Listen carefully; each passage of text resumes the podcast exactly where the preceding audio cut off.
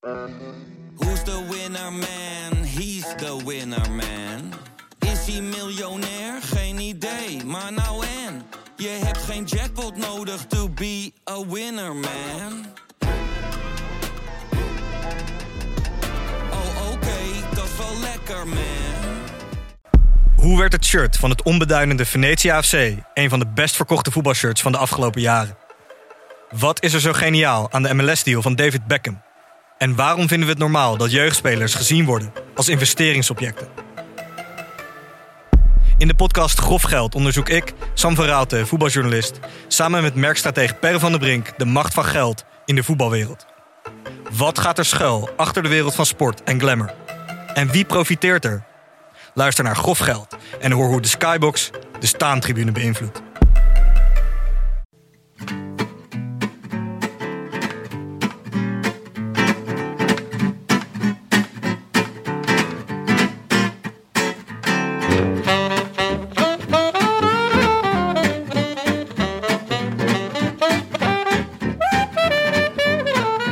Het is woensdagavond 18 september en het WK wielrennen staat voor de deur. Live vanuit het Van der Valk in Nieuwekerk aan de IJssel is dit de Rode Lantaarn.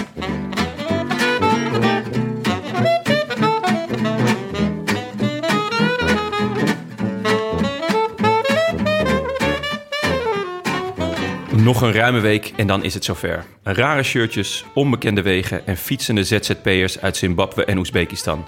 Het grootste raadsel van de wielerkalender is aanstaande. Het WK. Zelfs voor jullie favoriete bankzitters is het voorspellen van deze koers een godspe. Maar dat betekent niet dat we het niet gaan proberen. Een wijs mens weet wanneer hij hulp moet vragen. En gelukkig duurde onze kweeste niet lang. Want als je van de Nederlandse loterij de grootste wielrenster ooit in de spreekwoordelijke schoot geworpen krijgt, dan kan je spreken van een lot uit de. Juist ja, vul dat cliché zelf maar in. Het voorlezen van haar palmares zou een volledige aflevering van Zomergasten kunnen vullen, dus daar gaan we niet aan beginnen. We houden het bij haar verkiezing tot beste wielrenner aller tijden samen met Joop Zoetemelk door de KNWU. En de kanttekening dat als er iemand weet hoe je een WK moet winnen, dan is het wel Leontien van Moorsel. molto bene la Van Morsel, la passa sulla sinistra ed è la Van Morsel a vincere il campionato del mondo. Van Morsel al primo posto. I wish I could be in the south of France. In the south of France. Sitting right next to you. Leontien, welkom. Ja, in eh, mijn eigen Nieuwekerk. Ja. Het is voor mij een thuiswedstrijd. Nieuwekerk aan de IJssel. Ja, dat is waar. Ik zeg wel welkom, maar eigenlijk zijn wij hier te gast. Eh, Ja. ik, eh, Maar zo voelt het ook. Ja, ik wilde even voor duidelijkheid zeggen. Wij zijn eh, Jonne en ik. En Leontien van Morsel. Ja, geen Willem vanavond. Geen Willem. Dus eh, daar mogen we af en toe wat sneer aan uitdelen. Zeker. Als we willen. maar we zijn in, eh, in een vergaderzaal in het Van der Valk eh, Hotel. Ja. En jij zei gelijk... Van der Valk betekent veel voor me. ja, Van der Valk heeft heel veel voor mij betekend. En eigenlijk nog steeds. Ja, dat is wel eigenlijk een, een heel bijzonder verhaal is dat. Eh, ik praat altijd over mijn eerste carrière en mijn tweede carrière.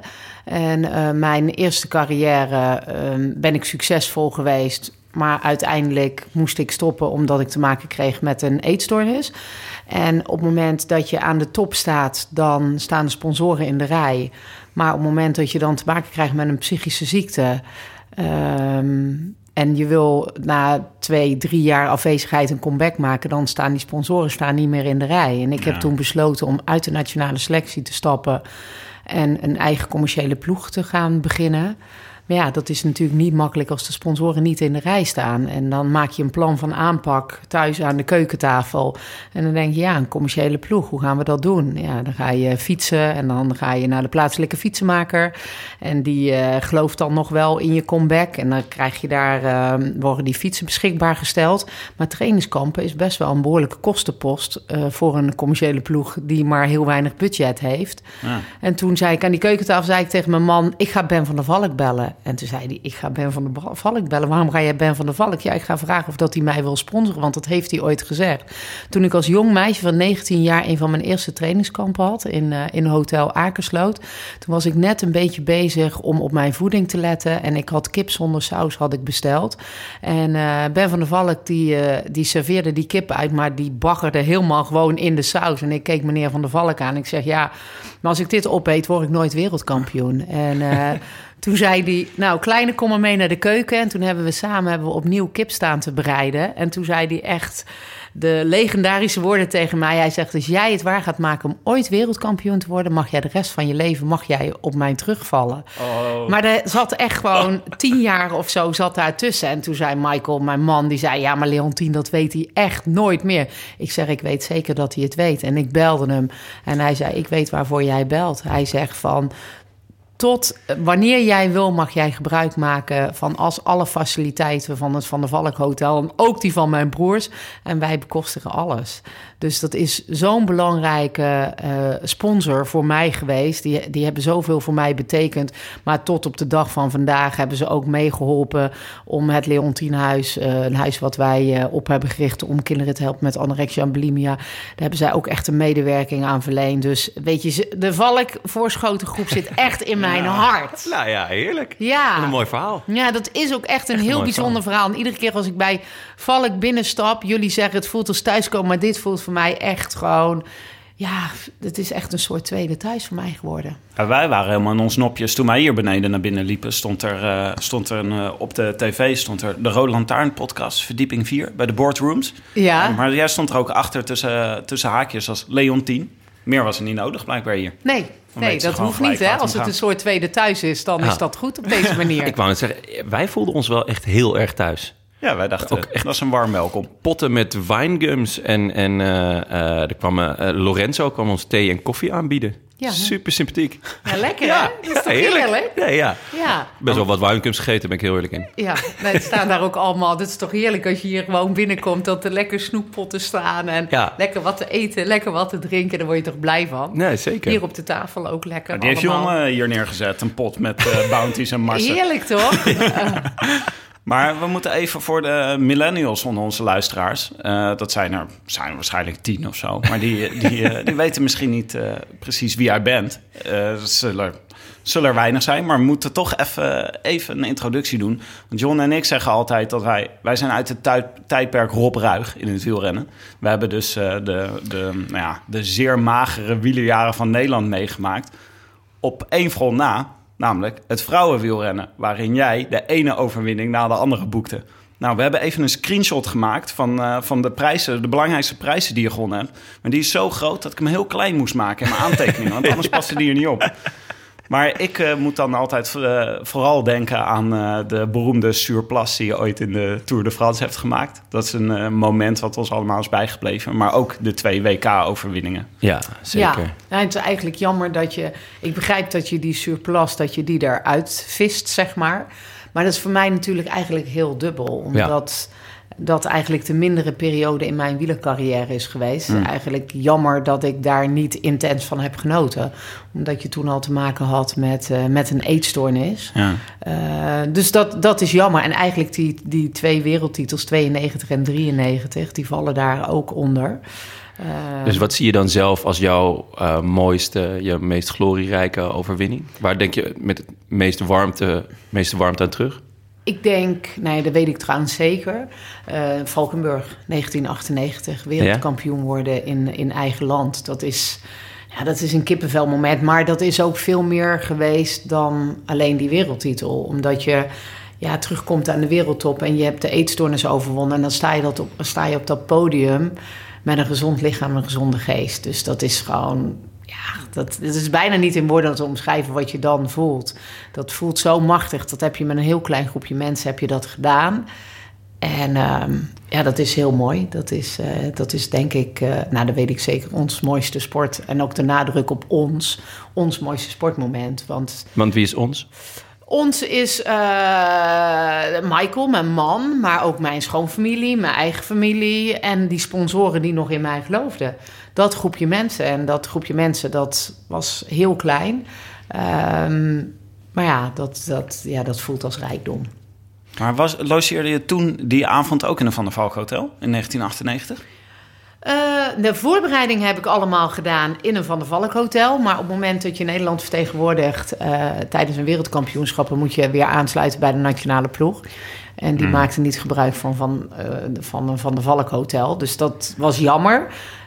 Ik, weet niet, ik weet niet meer, ik ben de naam van het hotel kwijt. Maar er was in ieder geval een hotel in Valkenburg... maar dat was niet het Van der Valk hotel. Hoe, hoe was je band toen met de, met de Nederlandse bond? Eh, de band met de Nederlandse Bond. ehm, ja, dat, dat heeft natuurlijk wel in die jaren wel een deukje opgelopen. Eh, en ik, ik ben eigenlijk ook blij, zeg maar, dat ik de voorbereidingen. eh, zeg maar tot een, een week voordat je je moest melden in het hotel. dat ik dat samen heb kunnen doen met mijn eigen ploegje. En gewoon gebruik heb kunnen maken van een Van de Valk Hotel. Ja. Ik heb daar gewoon heel veel trainingskampen belegd. En ik heb echt, ja, ik kon zeg maar het wegparcours en het tijdritparcours. Ik wist echt ieder steentje, iedere bocht. Eh, ik, als ik mijn ogen dicht had eh, gedaan, dan had ik hem nog kunnen fietsen, bewijzen van. Ja. Zo vaak heb ik hem nagebootst, de tijdrit en de wegwedstrijd. Ehm, dus ja, ik, ik was er gewoon klaar voor. Dat voelde ik wel. Ja. We moeten er ook bij vermelden dat je eh, ook heel goed was op de baan, toch? Dat was, eh, het waren meerdere disciplines waar jij op actief was. Ja, ja, en ik moet ook wel zeggen dat, ehm, zeg maar, later in mijn carrière... dat ik ook heel blij ben geweest dat ik, zeg maar, een dubbel programma mocht rijden. Want ik denk, als je jaar in, jaar uit hetzelfde wegprogramma rijdt... rijdt dan, is het, dan is het saai. Dan is het heel saai. En op het moment dat je een beetje kunt switchen van baan naar weg... en ja, dan wordt het niet eentonig en niet saai. En dan... Eh, voor mij was het gewoon heel erg belangrijk dat je ieder jaar een nieuwe focus had, een nieuw doel in je wielercarrière. Ja, voor jou was het saai omdat je alles won. Dat zal voor de meeste renners niet gelden. Nee, ik heb wel gewoon, ik heb natuurlijk ook jaren eh, dat ik zeg van nou in 2001 en in 2003 heb ik natuurlijk het werelduurrecord helemaal centraal gestaan. En dan wilde ik mijn tijd op de drie kilometer achtervolging wilde ik weer verbeteren. En dan wilde ik weer met totale focus op, eh, op het wereldkampioenschap tijdrijden. Ehm, maar dat zorgde er wel voor dat ik fris bleef in mijn hoofd. En dat het niet eentonig werd voor, voor mezelf. Dus eh 98, dat was, dat was, eh, werd je wereldkampioen tijdrijden, toch? Ja, ja wereldkampioen tijdrijden. En ik werd eh, tweede in de wegwedstrijd. Ja. Ja. En, en ehm, kan je ons mee terugnemen naar, naar dat, dus dat WK, WK tijdrijden die, die je wint? Je zegt, ik wist, weet, wist elk steentje, elk hoekje. Wat was het moment dat je wist van... oké, eh, ik, ik, ik heb het. Dit, dit gaat hem worden. Of twijfel je daar tot... Nou, tot... ik, ik geloof dat ik won met 1 honderdste of zo. Ja. dus ik wist ben blij dat ik niet. niet zeg maar 10 meter voor de streep mijn benen stil heb gehouden. Ja. Want dan had ik niet gewonnen. Nee. Eh, ik wist wel voor mezelf eh, dat ik alles uit had gehaald. En ehm, dat, dat heb ik wel geleerd in mijn tweede carrière. Wat het ook zou worden op een WK of een Olympische Spelen. Dat ik wist dat ik, dat ik alles aan had gedaan en ook alles voor had gelaten. En op het moment dat je dan eh, tweede wordt of, of je wordt niet Olympisch kampioen... dan moet je daar vrede mee hebben. Omdat je weet dat je nergens geen steekjes hebt laten vallen. Ehm, en, en dat heeft me wel heel erg eh, sterk gemaakt in mijn hoofd. ja. Kan je eigenlijk zo'n eh, zo'n race... ik heb bij sommige herinneringen dat ik echt mijn ogen dicht kan doen... en dan, dan voel ik weer dat ik ergens op een bepaalde plaats... een bepaald moment ben. Heb jij dat ook bij een race? Dat je dat echt helemaal zo terug kan halen? Nou, ik moet zeggen, ik, ben, ik heb een heel druk leven op dit moment. Dus ik haal hem nu. Dat, en ik, ik ben ook heel nuchter. Dat ik denk van ja, dat is een periode in mijn leven geweest. En natuurlijk ben ik daar ongelooflijk trots op. Maar ik ben ook heel trots op hoe dat ik nu in het leven sta. En eh, het, weet je, onze kleine meid en ons bedrijf. En eh, wedstrijdleidster in de, of eh, de koersdirectrice in de, in de Amstel Gold Race. Dus je bent met zoveel andere dingen bezig dat ik niet heel vaak nu meer mijn ogen sluit. En dat ik denk, nou, ik ga nog eens even die, die tijdrit eh nabootsen. Maar ik geef best wel veel presentaties voor het bedrijfsleven. En daar zitten wel beelden in. En daar zitten ook die beelden in. Ja, en dan ben je wel gewoon heel erg trots. Als je dan ziet hoe dat je, eh, zeg maar, eh, helemaal kapot bent... eh, op het moment dat je de Kouberg op moet rijden. Ik reed volgens mij op het buitenblad reken omhoog. Eindigde die op de Kouberg, de En tijdrit? de, tij- de tijdrit die eindigde, zeg maar, ehm, de Kouberg over... en dan 600 meter verder. Ah, ja. Dus, maar je moet je voorstellen, op het moment dat je een tijdrit rijdt van 25 kilometer, dat je al 24 kilometer met de verzuring in je benen, in je oren, in je totale body. En dan moet je nog eens die koubergen op. Dus ja, als ik, als ik nu terugdenk, ja, dan voel ik alleen maar pijn. Pijn en verzuring. En, maar ja, ook kippenvel. Want ik moet Ja. ook zeggen, het Nederlandse volk heeft denk ik eh, mij wel echt gewoon naar boven geschreeuwd. Niet normaal. En, en ja, een, een dameswielerwedstrijd, ja, nu de Amstel Gold Race voor vrouwen. Maar daar staat het niet, eh, normaal gesproken niet eh, eh, rijen dik, zeg maar. Maar tijdens dat wereldkampioenschappen was er ook heel veel mensen stonden aan de kant van de weg. En ja, dat is gewoon gaaf. Dat geeft je toch net even die, die, die 2 of 3 procent extra die, die er uiteindelijk voor heeft gezorgd dat ik in 98 goud pakte tijdens de tijdrit. Het is leuk, leuk dat je daarover begint, over het vrouwenwielrennen in het algemeen.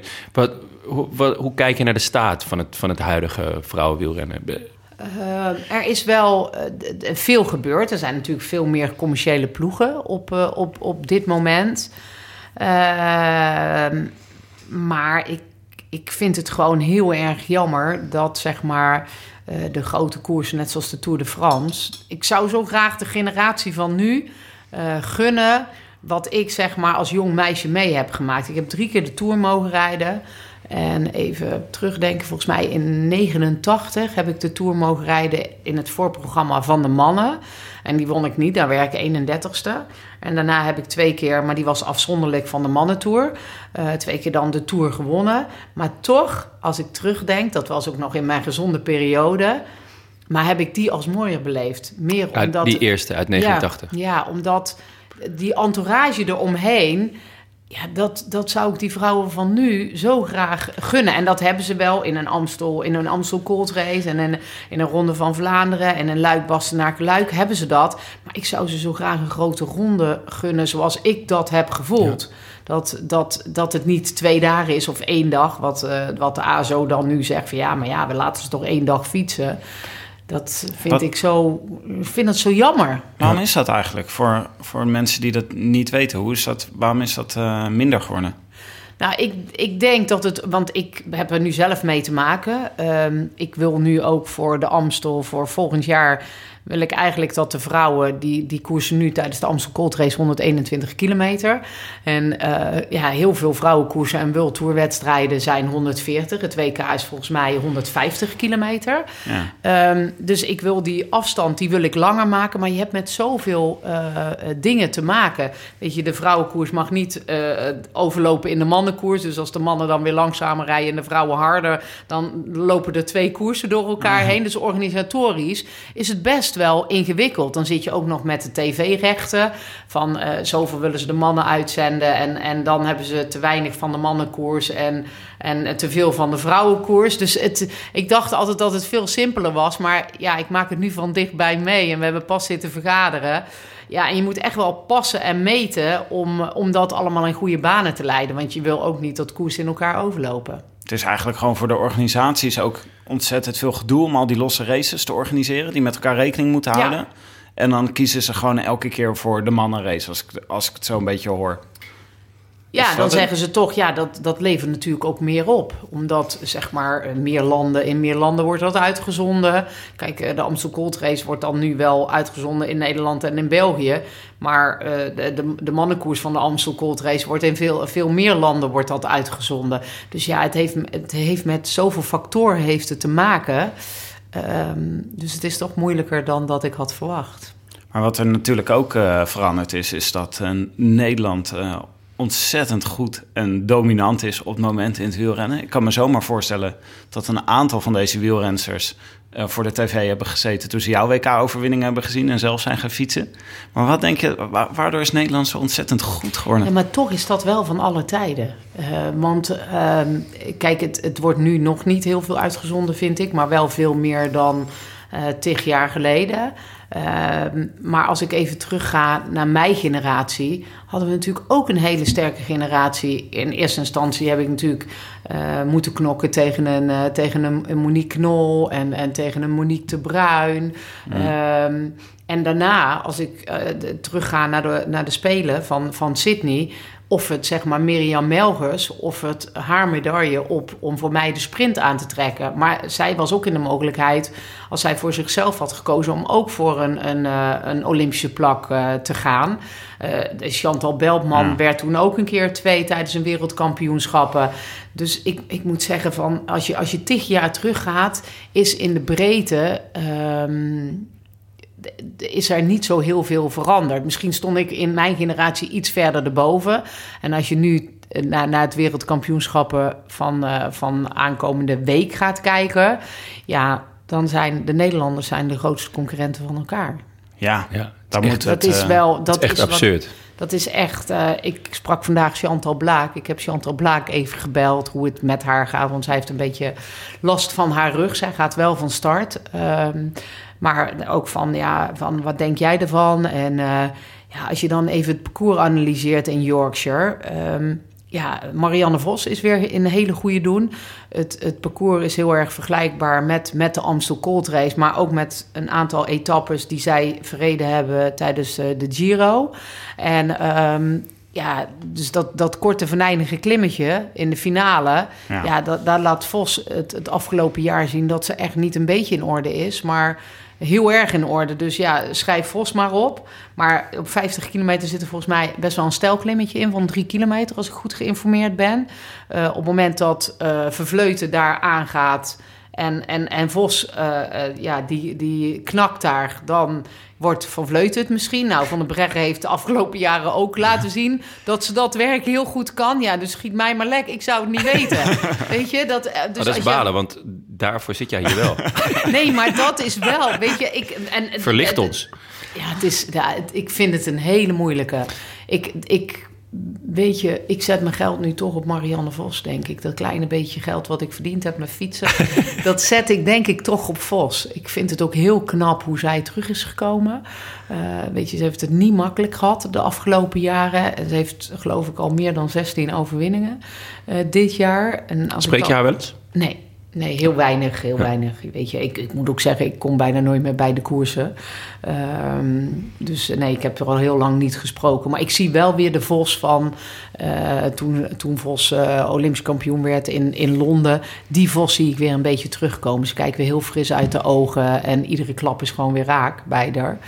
Dus ehm, De comeback is ook eh, wel iets voor Nederlandse wielrenners. ja, het is een beetje vergelijkbaar. Het thema. Ja. Ja, het is een beetje vergelijkbaar. Maar je moet je ook wel realiseren... Vos heeft natuurlijk ook een hele lange carrière. En ik zeg altijd, aan de top komen is heel erg moeilijk... maar aan de top blijven is nog vele Ja. malen moeilijker. Ehm, dus ik begrijp dat ook wel, dat ze even gewoon de accu op moest laden... en vooral mentaal. Mentaal zat zij volgens mij daar gewoon ook helemaal doorheen. Dat ze echt zoiets had van... Ja. ja, wat ben ik nou eigenlijk aan het doen? Ja, het is ook wa- wat je zegt. Ze staat, haar eerste wereldkampioenschap die, dat ze won was in 2006. Ja, Zo, eh, ja. 13 Ze was ook heel jong nog. Ja. Maar eh, even voor de orde van het eh, gesprek. Want Ja. eh, we hebben het, eh, het puntje eh Leontien van Mors voor Millennials... hebben we wel eens ongeveer afgesloten. maar we hadden ook... Moet, ja, o- o- of moeten we alles nog opnoemen wat ze heeft gewonnen? nou ja, zei echt al, zijn we een bezig. zomergasten-uitzending zijn we nou, ik bezig. zou het niet doen. Eh, ik, we hadden nog een. eh, we hebben vanmiddag. eh, we vragen altijd op sociale media ook. wie heeft er vragen voor Leontien van Moorsel. Dan gaan we zo meteen gaan we even over de Nederlandse ploeg op het WK hebben. Maar we wilden nog even een paar vragen voorleggen met jouw welnemen. Zo vraagt Robin VBZ op Twitter vraagt aan ons: Is de dominantie van de Nederlandse vrouwen op de lange termijn desastreus voor het internationale vrouwenwielrennen? Ehm, ja, dit is natuurlijk. Eh, voor ons is het mooi, maar eh, internationaal gezien lijkt het net of dat de Nederlanders. eh, dat, dat er geen concurrentie is, maar dat er is wel degelijk concurrentie. Alleen de Nederlanders zijn zo goed. Ja, dat hebben we natuurlijk ook in het schaatsen gezien. En, en dat is nu wel een beetje vergelijkbaar met het, met het vrouwenwielrennen. Ehm, dus het, het, het, zou mooi zijn.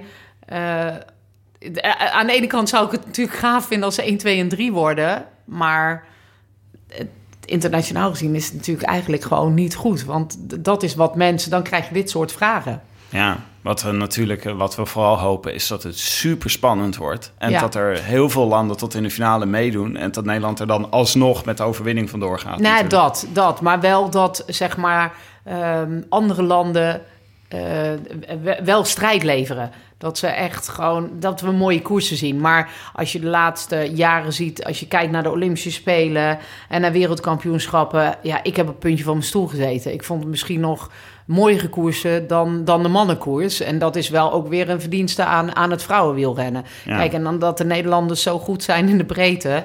Ja, daar kunnen, we, daar, daar kunnen, zij, ja, daar kunnen ze niks aan doen. Dat komt doordat ze er keihard, eh, je, keihard voor trainen en ook voor leven. Ja. Eh, Is de, is de infrastructuur in Nederland voor, om te fietsen zoveel beter? In ieder geval voor vrouwen op, op dit niveau? Of Nou is- ja, nee, maar er- sowieso. Weet je, niet Ja. alleen voor vrouwen, Nee, ook ja. voor de mannen. Wat dat is betreft natuurlijk- zijn de mannen eigenlijk heel slecht. De afgelopen Dat is jaren. de conclusie. Nee, maar als je... Dat is natuurlijk... Weet je, in Nederland, wij zijn gewoon echt rijk. Ja. Als je kijkt naar de infrastructuur qua, eh, qua fietsen, veilig fietsen... Dat is niet normaal. Wat wij in Nederland hebben, dat is ongelooflijk. En ik moet zeggen, tijdens mijn wielercarrière ben ik er eigenlijk helemaal niet mee bezig geweest. En heb ik eigenlijk ook nooit gekeken hoe mooi fietspaden waren en hoe veilig het was. Maar ja, dan stop je met wielrennen. Je bent nu mama van een kind. En ehm, ja, dan denk ik, wat zijn wij rijk in Nederland en wat is Nederland mooi? En, en wat kunnen wij hier goed trainen in allerlei, allerlei verschillende jaargetijden? Eh, dus niet alleen de infrastructuur, maar ook eh, de jaargetijden. Eh, ze, warm weer, regen, wind. weet je, alle facetten die je nodig hebt om een goede wielrenner te worden. Ja, dat heb je eigenlijk hier in Nederland. Fietst je dochter ook? Nee, die heeft zo'n hekel aan fietsen. Als ik je vertel dat eh, eh, ze, ze moest een middelbare school gaan kiezen. En eh, ze wilde eigenlijk naar een middelbare school acht kilometer verderop. En toen zei ze van, eh, ja, maar papa en mama, ik vind fietsen zo niet leuk. Dan brengen jullie mij toch wel iedere dag naar school. en toen zeiden we, nee, Indy, dat gaan we niet doen. We gaan je niet iedere dag naar school brengen. En toen heeft ze die school heeft ze laten gaan. En ze zit nu hier een kilometer verderop in het dorp, zit ze op school. En gewoon met Wel- de scooter naar school. Nee, niet met de scooter. Dan gaat ze wel op de fiets, maar dan komt ze thuis en zegt ze... Zulke zere benen. dat ik echt denk, is dit een kind van mij? Nee, ze handbalt. Oh ja. En eh, dan zie ik wel een heel fanatiek meisje. Ja. Dus, dan, Leuk. eh, dus ik vind het ook leuk dat ze aan teamsport doet. Dat is heel wat anders wat ik heb gedaan. Maar alleen maar heel, heel leuk en heel gaaf. Ik vind het eh, heel leuk dat, eh, dat onze kleine meid aan sport doet. Ja. Ik vond ook een leuke vraag van eh Hidde Roorda. Die zegt, eh, die begint over het interview wat Valverde onlangs heeft gegeven. Die toch eigenlijk de regenboogtrui wel een beetje een last vond eh, om zijn schouders. En jij hebt eh, nou ja, ettelijke Ja. malen in een eh, regenboogtrui rondgefietst. Had jij dat ook? Ja, ja wat, ik, wat ik net al aangaf. Het is, eh, je, en ik had toevallig vanmiddag nog met Blaakie over.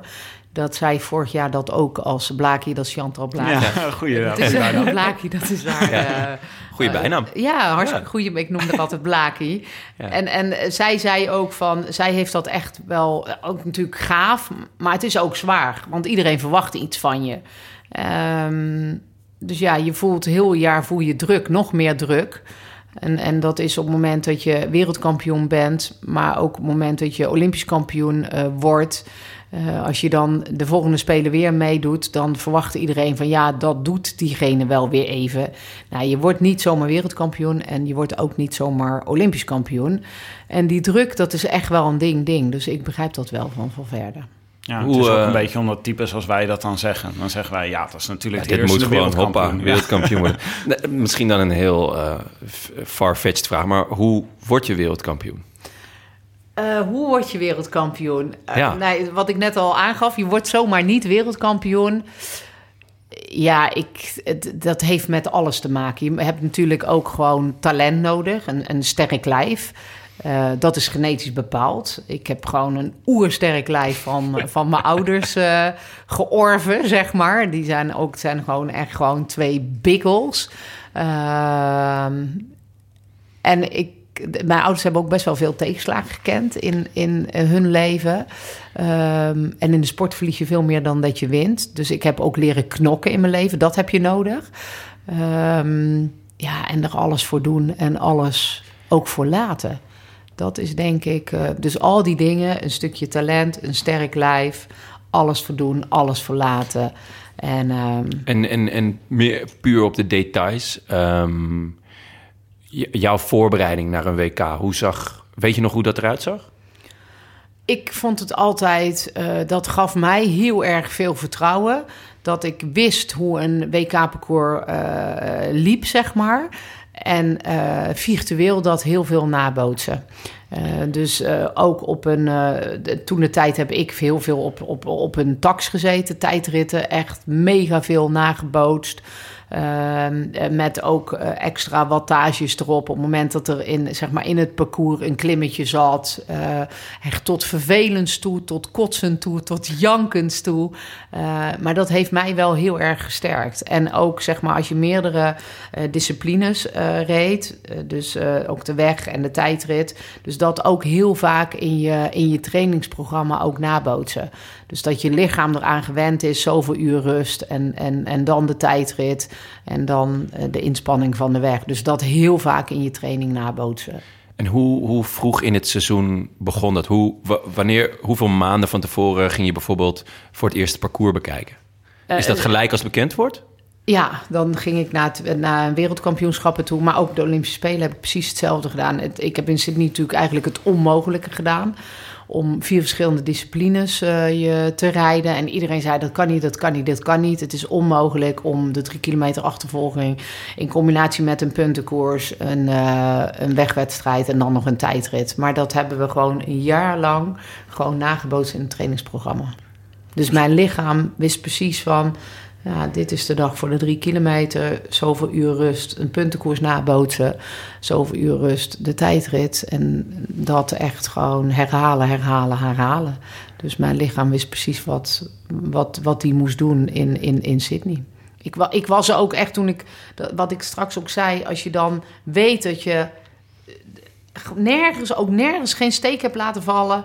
Omtrent materiaal, omtrent training, omtrent voeding.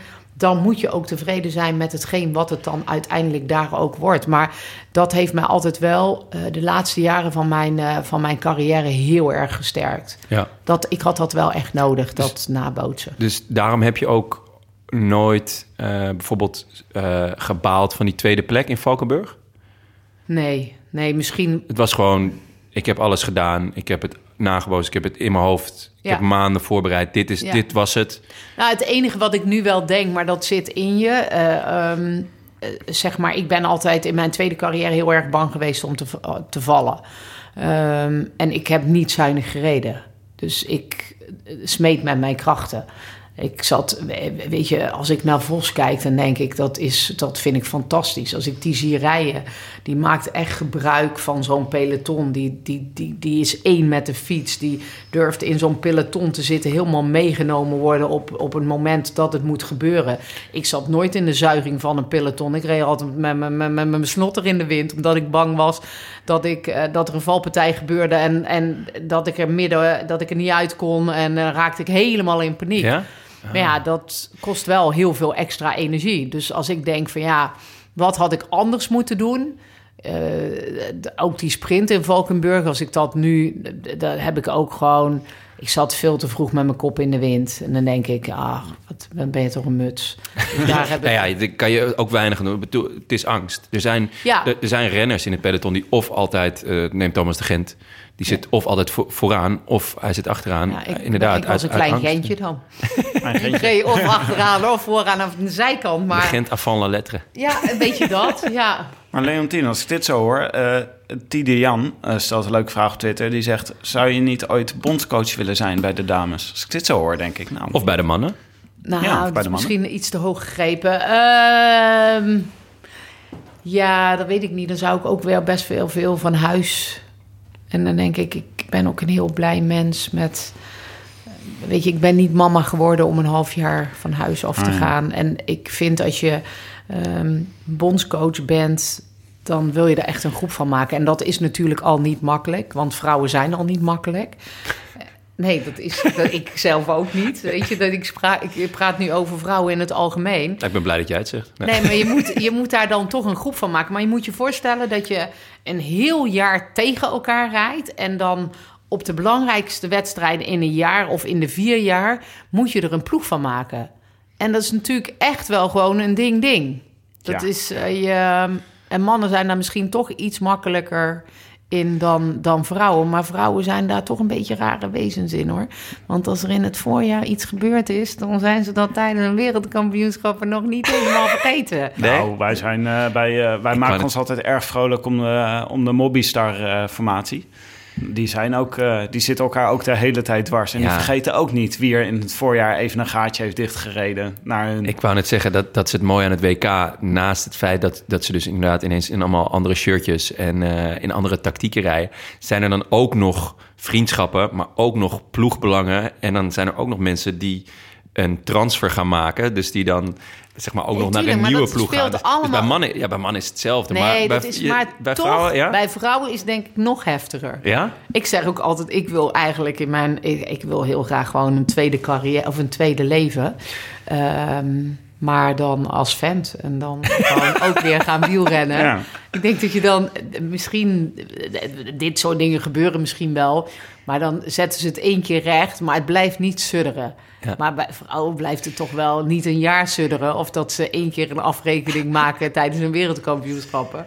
Maar dat blijft een hele carrière, blijft dat gewoon zijkstralen tegen elkaar. Je maakt me nu wel nieuwsgierig. Z- Zijn er, weet jij van dit soort dingen? Misschien niet in het huidige peloton, maar misschien van vroeger. Had, jij had jij dit- jij Nee. juicy details. Nou ja, ik, had, had jij dit vroeger met... met, met eh, je hebt WK Ja, zat gereden en, en was Nou ja, het dan... weet je, ik heb, ik heb natuurlijk ook wel met, eh, met, met Monique Knol echt wel eh, de- gewoon wel moeilijke momenten eh, gehad, weet je. En ik, ik begreep dat toen niet, maar nu denk ik van ja, voor haar is dat ook niet makkelijk geweest. Je moet je voorstellen dat jij Olympisch kampioen wordt en dan komt er zo'n snotneus uit, uit Brabant, zo'n klein meisje. En, en die krijgt dan gelijk kansen ook van een bondscoach. En, en ja, die komt dan al heel snel en die wint een tour en die wordt wereldkampioen. Ehm, ja, en dan val jij een beetje van die troon af. Dat is voor haar ook gewoon heel moeilijk geweest.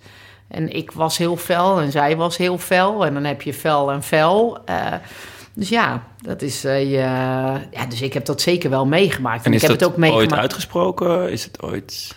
Nee, maar weet je, het is ook zo dat je eh, tijdens een wielercarrière dan eh, bij, met sommigen bouw je vriendschappen Ja. op en met anderen heb je gewoon gefietst. Ja. En, en, en, en dat is het. Ja. En ehm, ja, ik heb met Longo ook, als ik Gianni Longo was Ja. mijn grootste concurrent. Maar dat is ook mijn inspiratie geweest. Toen ik als, als eerste, toen ik die tour waar ik, waar ik het straks over had, die won zij. En ik had echt zoiets, ja, maar ik wil ook een keer die tour winnen. Ehm, maar later, als, als sportvrouw, enorm veel respect van wat zij allemaal heeft gewonnen. Maar ik vond het nou niet een hele gezellige tante. Het is niet zoals ik nu in Frankrijk kom dat ik denk... nou, ik ga lekker bij Gianni Longo... ga ik even lekker een bak koffie drinken... en dan gaan we even oude koeien uitsloten. gewoon een astronomisch krenk, toch? Laten we eerlijk zijn. Nee, ja, maar dat zijn jouw woorden. Maar, nee, maar dat bedoel ik. Weet je, Nee, ja, met nee, sommigen heb je gewoon een hele leuke band. Ja. En, en heb je nu nog gewoon contact. En, en, of als je die tegenkomt, is het leuk en gezellig. Eh, Kijk, als uh, Sissy van Halenbeek en een No- Noeska van der Zee... en Danielle Oelemans, eh, Overgaag. Ja, dat, weet je, dat is altijd leuk als Ja. ik ze tegenkom. Dus die heb je ook. En Ja. andere heb je... Ja, daar heb je gewoon daar heb je mee, Mee gefietst. gefietst, En ja. dat waren Nou, concurrenten. Ja, Dat. mooi, mooi. Maar hoe, ga, hoe zou je dat dan nu bij die Nederlandse ploeg, hè, als we naar die lijst kijken? Er zijn, nou, ik denk acht mensen die kopman zouden kunnen zijn in die in, Ja, in ik die ben ploeg. heel blij, want jullie hadden het net over bondscoach... dat ik op dit moment niet de bondscoach ben van de Nederlandse ploeg. Ja, hoe, hoe gaan ze dat doen? Ja, ik vind dit een hele moeilijke. Ik hoop dat ze eh, dat de ploeg. Want wat, eh, heel eerlijk, jij zegt het heel goed. Eh Vervleuten kan kampioen worden, Van der Breggen kan kampioen worden. Blaki, dat is ook nog gewoon een hele gevaarlijke outsider. Want als Blaki geen druk heeft en niemand verwacht iets van haar, dan is Blaki op de best. Eh, dan hebben we Vos nog. Eh, het is echt gewoon niet normaal. Dus ik Ja. hoop dat ze eerlijk gaan zijn in de koers tegen elkaar. Want degene die de beste dag heeft, Je kunt van tevoren wel zeggen, nou, we gaan eh, Vos kopman of kopvrouw maken of Van Vleuten. Maar ik denk dat ze heel goed moeten communiceren en heel eerlijk en open moeten zijn van wie heeft die dag de beste benen. Ja. Maar dat, wordt, maar dat is, hoe, eh, hoe, beslis, hoe beslis je dan zoiets? Want dan communiceert iedereen via de oortjes van ik voel me wel goed of ik voel me niet goed. En dan uiteindelijk is de bondscoach in de auto die de knoop doorhakt. We gaan voor Annemiek van Vleuten of we gaan voor... eh, Nou, ik weet niet hoe dat, ze dat, nu, eh, hoe, dat ze dat, hoe dat ze dat nu gaan doen. Ik hoop gewoon of dat ze nu dat met oortjes doen of, of zonder oortjes. Ze moeten met elkaar blijven praten en ze moeten elkaar ook blijven observeren. En dan zie je al heel snel, die is vandaag goed en die heeft vandaag een mindere dag. Ik, ik zag altijd in de koers al, op de manier hoe iemand ademhaalde, hoe de, eh, hoe de houding was op de fiets, wist ik al van die is vandaag goed en die is vandaag niet goed. Eh, ik zie het meestal ook aan de benen. Dus dan, als ik de Amstel Gold Hoe race... zie je dat dan? Hè? Hoe zie je dat? Ja, gewoon aan, aan, aan van is iemand scherp, is iemand niet te scherp. Daar zie je het aan. Hoe is de blik in de ogen? Dat zijn allemaal dingen die meespelen. Ja. Echt Mooi. allemaal dingen. Ik zag in de Amstel Gold Race... Een, eh, als- met die vrouw van, van Amstel, toen zei ze van... eh, zie je nou wie er goed is? En ik keek naar Vos en toen zei ik... nou, Vos gaat er weer aankomen. Ja. En, en, en, en eh, Vos reed ook een podiumplek in, in de Amstel. Zei ze, hoe weet jij dat? Maar ik zag gewoon aan de blik en aan de benen van... nou, Vos komt, gaat gewoon weer terugkomen. Mooi. Maar, dit, eh, maar eh, zou dit ook het WK kunnen worden waarin eh, Nederlandse eh, renners elkaar het, ga- het gat naar elkaar dicht gaan rijden en er een derde met de buit vandoor gaat? Een mobistarretje. Een mo- ja, een zoals we dat gaan noemen. Nou ja, dat, dat zou kunnen. Ik hoop niet dat ze dat gaan doen. Ehm, maar dat zou wel kunnen. Want we moeten natuurlijk niet vergeten... we hebben het nu natuurlijk alleen maar over de Nederlanders. Maar Armistead, zij heet nu anders. Zij is getrouwd. Danian. Ja, die, eh, die moeten we natuurlijk ook niet uitvlakken, want die komt daar vandaan. Ja. dus wat, het voordeel wat wij in Nederland altijd hebben en wat ik heb gevoeld in Valkenburg, ja, zij gaat eh 10% meer moraal hebben voor eigen volk. Ehm, dus ja. die- Wie is er, welk, eh, welk andere land heeft er een ploeg wat eh, kan wedijveren met Nederland? Nou ja, nee, qua, qua, qua land is Nederland veruit de sterkste. Want als je dan andere landen pakt, die hebben allemaal eenlingen. En, en Nederland is in de breedte zo ongelooflijk sterk. We hebben een, een lijstje van, van... Waar heb ik gewoon de Nederlandse ploeg. Eh, is het misschien eh, slim om eventjes eh, gewoon op te noemen wie er rijden... en wat ze recent hebben gedaan? Joh, even de administratie. Even de Ja, administratie, gewoon Nee, eh, doe jij maar even. We beginnen met Blaki, Chantal Blaak. Eh, rijdt voor, doel, eh, voor Boels. Dat, eh, ik doe ook even de ploeg erbij, want dat is, eh, dan zie je misschien ook weer inderdaad wat, eh, wat verbanden. Eh, ze werd wereldkampioen in 2017 en won begin dit jaar de omloop en vorig jaar de Amsterdam Gold Race. Eh, Lucinda Brandt, die rijdt voor Sunweb. Recent tweede geworden in de Madrid Challenge van de Vuelta. Die werd overigens gewonnen door Lisa Brennauer uit Duitsland. Is misschien ook wel een gevaarlijke outsider. En eh, ze werd ook recent vierde in de Bulls Ladies Tour. Floortje Makai eh, rijdt voor Sunweb en werd dit jaar tweede in Luik-Bastenaken-Luik. Amy Pieters rijdt voor Bulls eh, Dolmans. Europees kampioen. Werd vorige maand Europees kampioen op de weg. Derde in Plouet en vijfde in Varkarda in Zweden. Ehm, Anna van der Breggen rijdt voor Bols Doelmans, huidig wereldkampioen en olympisch kampioen. Vijf keer de Waalse pijl en twee keer de Giro. Dit zijn, ik doe slechts wat, wat grepen uit, eh, uit Ja. haar eh palmares. Annemiek van Vleuten ehm, won de afgelopen twee jaar de Giro... en won dit jaar Luik, Bastenaken, en de Strade Bianchi. Eh, en werd tweede in de Waalse pijl, de Amstel Gold en de Ronde van Vlaanderen. Demi Vollering rijdt voor Parkhotel eh, Valkenburg. Werd dit jaar derde in luik bastenaken Vijfde in Plouet, vijfde in de Waalse Pijl en zevende in Amstel Gold. En dan komen we nog bij Marianne Vos.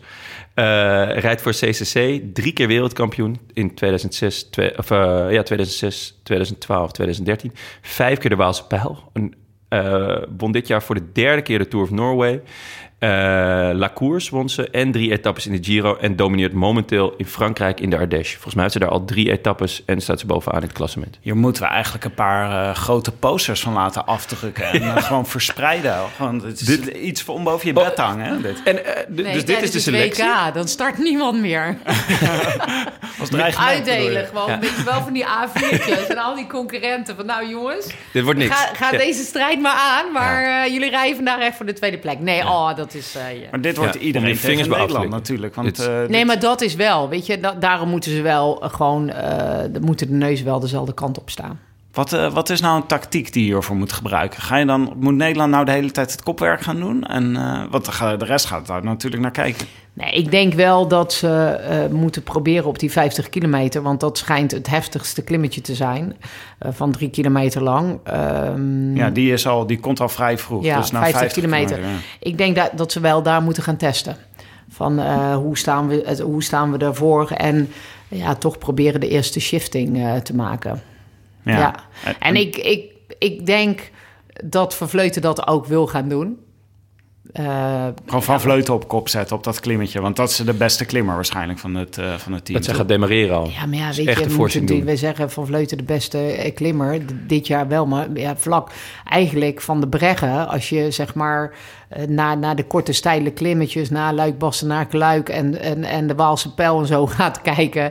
Dan is Van de Breggen natuurlijk de afgelopen jaren op dat terrein echt. Alleen die heeft dit jaar een, een, een minder jaar, maar ook best wel veel eh, problemen. Gewoon privéproblemen gehad. Een moedertje is, is, is eh, ziek. Eh, ik hoop dat het nu weer beter gaat met, met haar moeder. En, en volgens mij is het ook gewoon een gevoelige meid. Dus dat, eh, ja, dat speelt natuurlijk allemaal wel mee. Ik kan me nog heel goed herinneren dat ik een WK reed in België. En toen had ik een, eh, een maximaaltest. En ik heb nog nooit zo'n goede maximaaltest gereden. Ik trapte echt die fiets bijna in tweeën. Dus ik denk, nou, weet je, ik ga op één been gewoon wereldkampioen worden. En voor het WK hoorde ik dat mijn vader longkanker had. En ik het kwam er gewoon niet uit. Dus dan zie je dat het gewoon heel erg belangrijk is dat je fysiek en mentaal. En op het moment dat er dan iets heftigs gebeurt in je leven, in je privéleven. Ja, dat, dat, dat neem je wel mee. En dan is het bijna, als je gevoelig bent, onmogelijk om dat eh, je over te brengen op je, op je pedalen. Ehm, dus ik, ik, ik weet niet hoe dat het op, op dit moment thuis gaat bij Van der Breggen. Maar ik, ik hoop dat het weer rustig is en dat het met moeders goed gaat. Ja.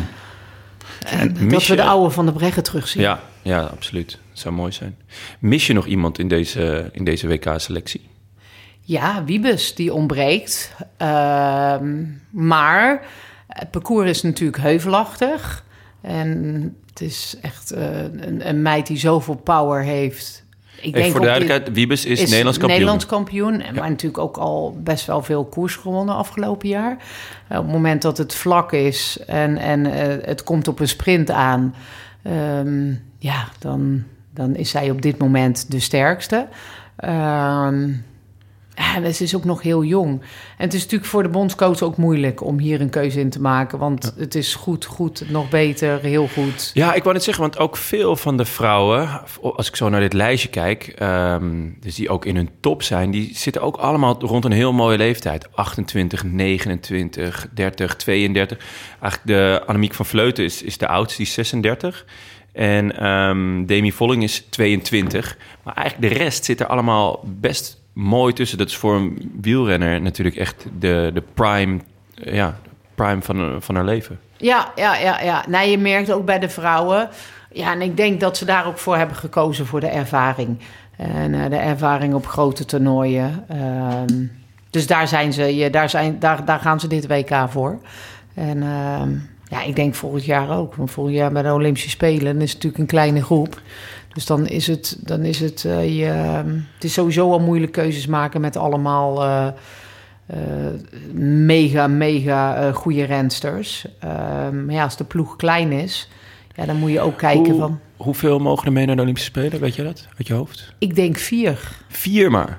Ja, drie en dan vier of vijf, maar ik denk vier. Ja, en het Ja, is een dat wordt klimparcours. helemaal, eh, dat, dat wordt dan helemaal moeilijk. Ja, gaan maar dat echt durf ik niet mensen zeker flink, te zeggen. In mijn tijd waren het er eh, eh, drie zelfs.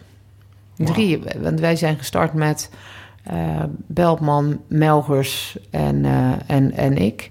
En in Athene zijn we gestart met Melgers, Van de Zee en ik. Dus Ja. dat zijn... Ja, dat, Het is heel klein. is heel klein, ja. Ja, Maar als ik nu dus naar het parcours kijk, dan krijg je dus, je krijgt na eh 50 kilometer, me- 50 kilometer krijg je die lofthouse. Dat is dus die waar je net over had, drie kilometer klimmen. Dan gaan wij, wij zijn natuurlijk in Yorkshire straks. Dan gaan we gewoon bij die beklimming staan. Maar dan betekent dus dat er nog een hele lange koers. 100 kilometer nog. Want Ja. volgens mij is die 150 kilometer. Ja, dus dan wordt dat wordt echt een heftige koers wordt dit. eh, voor, eh, want als ze dan al tempo gaan maken op die lofthouse en mensen eraf gaan rijden, dan, dan wordt het gewoon eh 100 kilometer strijd daarna. Ja, ja. Maar En- ik, ik denk toch dat ze dat gaan doen. En in, in wiens voordeel is dat dan? Is dat in het voordeel van de oudere renners? Ja, de taaier en- van de Vleuten. Dat is echt in het voordeel van Van de Vleuten. Van de Vleuten, ja, weet je. Maar die heeft ook natuurlijk een waanzinnige tijdrit in huis. Eh, dus eh, ik, ik, ik denk, wil Van Vleuten wereldkampioen worden... Dan zal, ze, ja, dan zal ze misschien ook wel moeten gaan voor een hele lange solo. Echt? Je denkt, eh, als jij van Vleuten was geweest, dan gewoon op die beklimming weggaan en dan Ja, gewoon zij, tijdrit weet, 100 zij, maar zij weet ook, op het moment dat het bij elkaar blijft... en ze wacht tot dat laatste, de plaatselijke omloop... eh, en, en dat laatste, je, het laatste klimmetje... ja, dan, dan weet ze dat, dat, ze de, dat, dat de kaart Vos gespeeld wordt. Ah ja, dus dat is het ideale scenario voor Marianne Vos, is als ze wat langer bij elkaar blijft. Als zij blijft hangen... ja, dan, dan denk ik dat ze de, de, de boel om gaan gooien... en dat, ze je, dat ze dan eh, eh, zeggen van ja, nu alles op Vos. Dat wordt geweldig. Wat een goed parcours eigenlijk. Nee, Was maar dat zeg ik. Weet je, de, de, de, de Nederlanders, het is één ploeg, maar het is natuurlijk echt, het is natuurlijk ook echt bizar dat, dat ze allemaal gewoon één voor één wereldkampioen zouden kunnen worden op dit Ja. parcours. En Annemiek van Vleut als een van de weinigen, gek genoeg, eh, nog geen wereldkampioen. Althans niet, niet in de wegwedstrijd, wel Nee. op de tijdrit natuurlijk. Ja. Maar, eh, en zij rijdt als enige bij Mitchelton Scott. Ja. Dus misschien ook nog wel dat dat ook nog mee kan spelen. Dat ja, veel van Bulls en een aantal van Sunweb. En dan ja, toch ook weer een beetje die ploegen, ploegenstrijd wellicht. Ja, maar weet je, ja, eigenlijk hoop je toch wel eh, dat je, ja, dat, Dat het je- één ploeg wordt. Dat het, dat Ja. het één ploeg gaat. En, en uiteindelijk willen ze dat natuurlijk ook. Want uiteindelijk, eh, je, rijdt, eh, je rijdt natuurlijk ook voor jezelf, maar je rijdt ook voor je land. Ja. En als je naar deze ploeg kijkt, de Nederlandse ploeg, er is, eh, we kregen ook een vraag ehm, van eh, Jurgen van Tevelen. Die zegt: Wordt er niet weer eens tijd dat het prachtige werelduurrecord aangevallen gaat worden door een van de Nederlandse ren- renners? Wie zou dit moeten doen? Eh, van Vleuten. Van Vleuten is op dit moment eh, de, de, de, de beste tijdrijdster ja, gewoon van de wereld. En ja, je, je moet een goede tijdrit in huis hebben om het werelduurrecord aan te kunnen vallen. Ehm, dus dan zeg ik van de Vleuten. Alleen wat ik jammer voor mezelf jammer vind. Ik heb twee jaar geïnvesteerd om het werelduurrecord op mijn naam te zetten. En ik heb dat gedaan omdat ik dacht, die regel gaan ze nooit meer eh, eh, veranderen. Ehm, en nu heeft de UCI heeft die regel weer veranderd. Ik heb het op een traditionele fiets gedaan. Dus niet op een tijdritfiets met open wielen en een normaal stuur. En nu mogen ze, is het eigenlijk weer het oude snelheidsrecord. Maar dat vond ik eigenlijk, dat inspireerde mij. Eh, toen ik de poging ging wagen eh, om, om het werelduurrecord op mijn naam te zetten, dan is het puur de kracht van de mens. En, en nu, is het, eh, nu heeft de technologie heeft daar natuurlijk ook weer eh, je. En dat vind ik jammer. Ik vind Oh, het ja. eigenlijk. Ja, want ze hadden dus, dus be- bepaalde, een bepaalde fiets mocht je niet gebruiken. Dat was nee, die- het moest was zeg maar het ja. werelduurrecord. Dat vond ik zo gaaf. Daarom heb ik daar twee jaar keihard voor getraind, omdat het een traditionele fiets was. En, en nu hebben ze gewoon die regel weer veranderd. Ja, nu mag je weer op een, eh, op een tijdritfiets met snelle wielen. Dus ik heb het zeg maar in een lelijk eentje gedaan. Ja. Of op een lelijk eentje, in een lelijk eentje, whatever, hoe je het, hoe je het ook wil omschrijven. En nu zeggen ze, ja, nu mag je weer met eh, je mm, helemaal gestroomlijnd. En Ja. ja. dat is appels met peren vergelijken. Dus Ja. ik heb, eh, maar het doet pijn. Het is een uur lang of je nu op, een- op, een, op, een, op een traditionele fiets zit met open wielen en een normaal stuurtje. Of je rijdt op een tijdritfiets. Een werelduurrecord is echt zoveel pijn lijden. Ja. Ja, Annemiek van Vleuten is gewoon oersterk. eh heeft gewoon bewezen de afgelopen jaren dat ze niet een beetje kan tijdrijden, maar dat ze de stenen uit de straat fietst. Dus als iemand het werelduurrecord eh, zeg maar nu nog scherper kan zetten als dat het nu op dit moment staat, dan is het Annemiek van der Vleuten. En eh, stel, zij belt jou en zegt van... ik wil het uh, uurrecord aanvallen. Zou je me willen helpen? Zou je me willen begeleiden? Zou je dat doen? Dan zou ik zeggen, ja, maar dan gaan we wel gewoon weer op, op dat fietsje zitten... waar ik het ook op heb gedaan, eh, lieve schat. Ik heb nog een lelijke eend in de Ik heb nog zo'n lelijk eentje staan. En dan ga je eerst daar ook een uur pijn op lijden. En dan ga ik je helemaal helpen en helemaal begeleiden. Maar, maar Eh, maak nee, het gewoon weer het uur echt pijn lijden. Dat is gewoon eh, zoals het hoort. Ja, nee, de, op zo'n andere fiets is het ook pijn lijden. Maar ik, het is natuurlijk niet met elkaar te vergelijken. En dat, voor mij is dat jammer. Eh, maar als zij advies zou willen hebben, en weet je, natuurlijk, het staat nu op een, eh, op een, op, op een naam van een buitenlander. Dan denk ik, ja, het is toch mooier als je, als je gewoon Annemiek van Vleuten in de boeken ziet staan. Dus dan, eh, dan zou ze zeker mogen bellen. Ik wilde eigenlijk het eh, laatste gespreksonderwerp aansnijden. Want we kregen meerdere vragen, onder meer van Hidde Roorda en Paul Dame... over wie gaat de Nederlandse ploeg nog van de titel afhouden. En ik heb een, eh, beetje een lijstje gemaakt eh, met, eh, met een aantal eh, van de favorieten. Ik ben benieuwd hoe jij daar tegenaan kijkt... wie de grootste tegenstanders gaan zijn van de Nederlandse ploeg. Wij kwamen tot de Belgische ploeg met Sophie de Vuist... Ita- Italiaanse ploeg met Marta Bastianelli... Ja, de Amerikanen hebben Corin Rivera. Die werd tweede achter Anna van der Breggen onlangs in Plouet. Eh Lissy Danyon, spreekt dat goed uit, Ja. Jonne? Ja, Lizzie Armistead. Ja, voor mij is gewoon Armistead. Armistead. Gewoon meisjesnaam. ja, ja, ja, heel goed. Dan heb je in Polen, eh Nieuwe Doma. ja, Niewa Wiadoma. Eh, Mooi. De de ou- Poolse uitspraak is goed hoor. Ja, Ja, spreek je hem zo uit? Nieuwe Waardoma? Nieuwe Waardoma? Ja, ik doe het met lokaal accent. Oké, ik nee, gewoon je doet het goed. ja, ik zou zeggen gewoon dit. van Niedoma of zo. Nee, dit was Zuidpools. Oké, eh, nee, ik vind hem top. Ik zou zeggen houden. Eh, voor- nou ja, eh, vorig jaar werd Amanda Spratt werd, eh, tweede uit Australië. En dan hadden we de eerder genoemde Duitse Lisa Brennauer. En wie zijn dan de grootste, wie zijn dan de grootste tegenstanders? Of zijn we nog mensen vergeten? Nou, weet je, ik ga dan toch eh, d- op het moment dat ik advies nodig heb eh, omtrent van wat, wat eh, willen we veranderen in een Amstel Gold Race, wat zijn de grootste concurrenten, dan ga ik gewoon altijd het gesprek aan met, eh, eh, met, met de Nederlandse toppers. En eh, ja, die namen die jij allemaal opnoemt, eh, zij hebben vanmiddag Bastanelli hebben zij genoemd. Nieuwe, nieuwe, spreek jij maar uit, want jij spreekt, jij spreekt hem beter uit dan dat ik. hem- gesticht. Nieuwe Nieuwe Doma. Nieuwe, Doma. Nieuwe Doma, Ja. volgens mij. Ja, oké, die. die en eh Armistead. Dus dat Ah, ja. zijn de drie namen eh, die, eh, die zij noemde. Buiten heel de Nederlandse ploeg. buiten heel de Nederlandse Ah, want. Bastianelli, die is echt, eh, die, is, die heeft ook een goede sprint, toch? Ja, ja, ja. nee, maar dat is wel eh, op, op het moment dat ze Bastanelli niet kwijt zijn eh, in, in de finale. Ja, dan is dat ook gewoon een hele gevaarlijke. En dat is ook een hele taaie. En als die de dag heeft, dan ehm, kan ook gewoon rap aankomen. Ik heb van ehm Laurens ten Dam geleerd over het WK. Als de Italiaanse ploeg gaat rijden, dan is het WK begonnen. Is dat bij de vrouwen ook zo? Nee, ik denk als, het bij, als bij de vrouwen is het als de Nederlandse Ja? ploeg gaat rijden, dan is het erg begonnen, jongens. Dus zorg Ja? allemaal, die buitenlanders, ze spreken geen Nederlands. maar als ze dit horen, zorg dat je op 50 kilometer van voren zit, anders ben je de sjaak. Maar is dat er eentje van de Italianen beginnen altijd te vroeg met rijden? Nee, de Italianen, als, als er, dan, dan begint het gewoon. Dan gaat de koers gemaakt worden. Vanaf dan, ja, dan eh, alle, alle ZZP'ers die eh, nog vooruit zijn... eh, die eh, worden dan gewoon langzaamaan ingerekend. En dan begint de koers. Dan moet je scherp zijn. Ah ja, nee, ik dacht dat het er eentje was uit jouw categorie. De eerste pannenkoeken zijn voor de kinderen. Die zijn ook voor de kinderen, Tim. dus, maar in dit geval voor de ZZP en de kinderen. Zullen we ons aan een voorspelling proberen te wagen? Want ik kan nog even eh, klein puntje van, van de administratie. Namelijk, eh, we hadden de vorige voorspelbokaal ging over de Vuelta, de laatste Ja. bergetappe. Het voelt alweer als heel erg lang geleden. die had eh Ferry Paalman had hij goed. Ferry Paalman. Ja, en eh, die eh, had toen Pogacar, Ja. Pocky. Dat was, eh, en die mocht de groetjes doen. En dat klonk zo.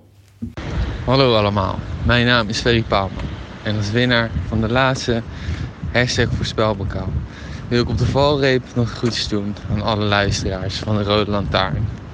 Maar in het bijzonder aan al mijn neven en nicht van de familie Groenendijk. Omdat wij begin september onze eerste gezamenlijke familierit hebben gemaakt. En dat er nog vele mogen volgen. Salut en tot ziens.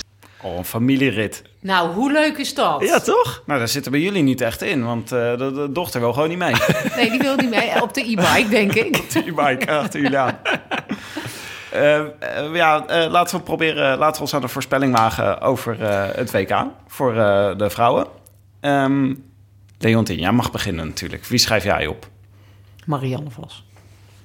Marianne Vos. Willem had, die ha- had hem ook genoteerd. Van Ja, maar dit is dus niet helemaal eerlijk. We hebben dat documentje gemaakt.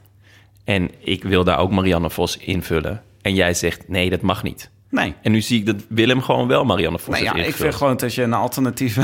Nou ja, goed. Toen ben ik dus uitgekomen bij de Poolse favoriet. Niewiadoma. Je, je breekt echt je nek erover. Ja, Nou, nee, ik ja. hoop dus echt eh, voor eh, scenario vroeg aanvallen. W- wanneer is eigenlijk... Wat is het scenario voor Niadoma? Ja, daar vraag je me wat. Gewoon keiharde koers. Nou ja, nou ja, de, Hij de- won wel de... oh, sorry dat ik je Ja, onderbreek. nee. Eh, ze won wel... Het is vergelijkbaar met de Amstel Gold Race. En zij won de Amstel Gold Race. ja, Dus... daarom, daarom heb ik er ook eh, getipt. Nou, eh, ik eh, had, dacht Annemiek van Vleuten. Dus eh, nou, dan hebben we vier voorspellingen. Ja, Ik ben benieuwd. En eh, dan zijn we, er, eh, zijn we er doorheen voor de voorbeschouwing van het WK. Ik Ja. heb er heel veel zin in. ik heb er heel veel zin in. Ik ook. Leontien, Ja, dankjewel. ook- Want jij, gaat, jij gaat ook, eh, jij fietst mee met het Oranje Peloton. hè? Ja, ik met, fiets eh, mee met de Toto. Oranje Peloton. Eh, Dat, is, dat wordt mogelijk gemaakt door de Nederlandse Loterij. De Nederlandse Loterij doet heel veel voor het wielrennen in, eh, in Nederland. En ik vind het een eer dat ze me uit hebben genodigd. En eh, een, een bedrijf wat zoveel doet voor, eh, voor de wielersport in het algemeen. Ja, vind ik het heel fijn om daar ook mijn steentje Ja. aan bij te dragen. En ik, ik, vind het ook, ik, ik vind het ook leuk. Ik vind Ja. het echt heel erg leuk om het een keer van de andere kant mee te maken. Ja, wij ook. Was, ja, eh, super enthousiast. We gaan wel bij die beklimming staan, hè? Dat, Ja, eh, en als ze lijkt het dan wel. niet goed doen, dan pakken we die fiets over en dan knallen wij even met z'n drieën. Kop over kop knallen we die bult Ah, ik heb op. een beetje last van mijn rug ook. En eh, de benen zijn ook niet meer wat het geweest is. Die Ja, dat- blik in mijn ogen is ook niet scherp. Nee, en dat voel ik allemaal precies hetzelfde. Dus ik denk dat wij beter gewoon aan kunnen moedigen. Ja, Dat dat beter is. Aanmoedigen met een pint, met een doodgeslagen pint langs de kant van de weg. heel veel zin in. Dit was hem, de voorbeschouwing van de eh, UCI Road World Championships. Championship Elite, Elite Women's Road Race 2019. Ja, ik dacht, ik probeer hem helemaal te doen, maar ik verslikte me een twee keer. Nee, ja, dit was Nee, ik echt vind hem heel, goed. matig. Ik doe Ja. het je niet na. Ik echt- zou gewoon zeggen, gewoon huppelakee die Je kan het ook je klappen, hè? Als je erbij klapt, dan is het makkelijker. Ja, dat, is, dat werkt inderdaad beter. Eh, u luisterde naar De Rode Lantaarn, gepresenteerd door uw favoriete wereldreizigers Tim de Gier en Jonas Riese. Vandaag in het gezelschap van Leontien van Morsel. Met grote dank aan onze sponsor voor dit WK, de Nederlandse Loterij. De Rode Lantaarn wordt mede mogelijk gemaakt door Dag en Nacht Media en hetiskoers.nl, de leukste wielerblog van Nederland en Vlaanderen. Wij danken hen voor de steun op vele fronten en in het bijzonder Maarten Visser, Bastiaan Gaillard, Leon Geuyen en Bas van Eyck. Ja, hoewel ze vandaag had ik wel eh, hè, tandje erbij verwacht van ze. Ja, je probeerde informatie in te Nou ja, je vraagt gewoon wat aan, aan die jongens. Die zitten bij, bij ons in de redactie. Ik denk, nou ja, hier, hier komen verhalen. Dit, dit, dit is wat we nodig hebben. En jij wilde weten of er ook oortjes waren bij het WK. Bijvoorbeeld. Ik stelde gewoon een heel simpele vraag. Weet jij En- dat, Leontien? Ja, die regels die worden heel vaak Ja. eh, Ja. weer veranderd. Dus ik durf het nu niet te zelf. Ik kon er niet achter Ja, komen. wij konden er ook niet achter komen. Nee, ik, de, de, de- ik durf niet. eh, daarom zei ik ook in het net van ze moeten met elkaar blijven Ja. communiceren. En of dat nu met oortjes zijn of eh, zonder oortjes. Dan moeten ze elkaar gewoon. Ze moeten elkaar toch opzoeken in de koers. Want dan zie je Ja. of, ze, of je echt goed bent of niet goed bent. In de ogen kijken, toch? In de ogen. ja. Wil je reageren op deze uitzending? Dat kan. Via Twitter zijn we te bereiken. Natuurlijk via Willem Dudok, Tim de Gier en Ton Garçon, waarvan de eerste O en 0 is. Altijd Halleluja. makkelijk te onthouden. En we hebben tegenwoordig ook een mailadres. Groetjes at de We zijn er spoedig weer en wel zondag met de voorbeschouwing op de Elite Mannenrace in Yorkshire. Ik dacht, ik doe hem niet weer helemaal. Kunnen we mooi een uur over Mathieu van der Poel praten? Ja, toch? En eh, dank Leontien. ja, graag gedaan. So long, Superleuk chat. dat je er was. Farewell. I wish I could be in the south of France. In the south of France, sitting right next to you.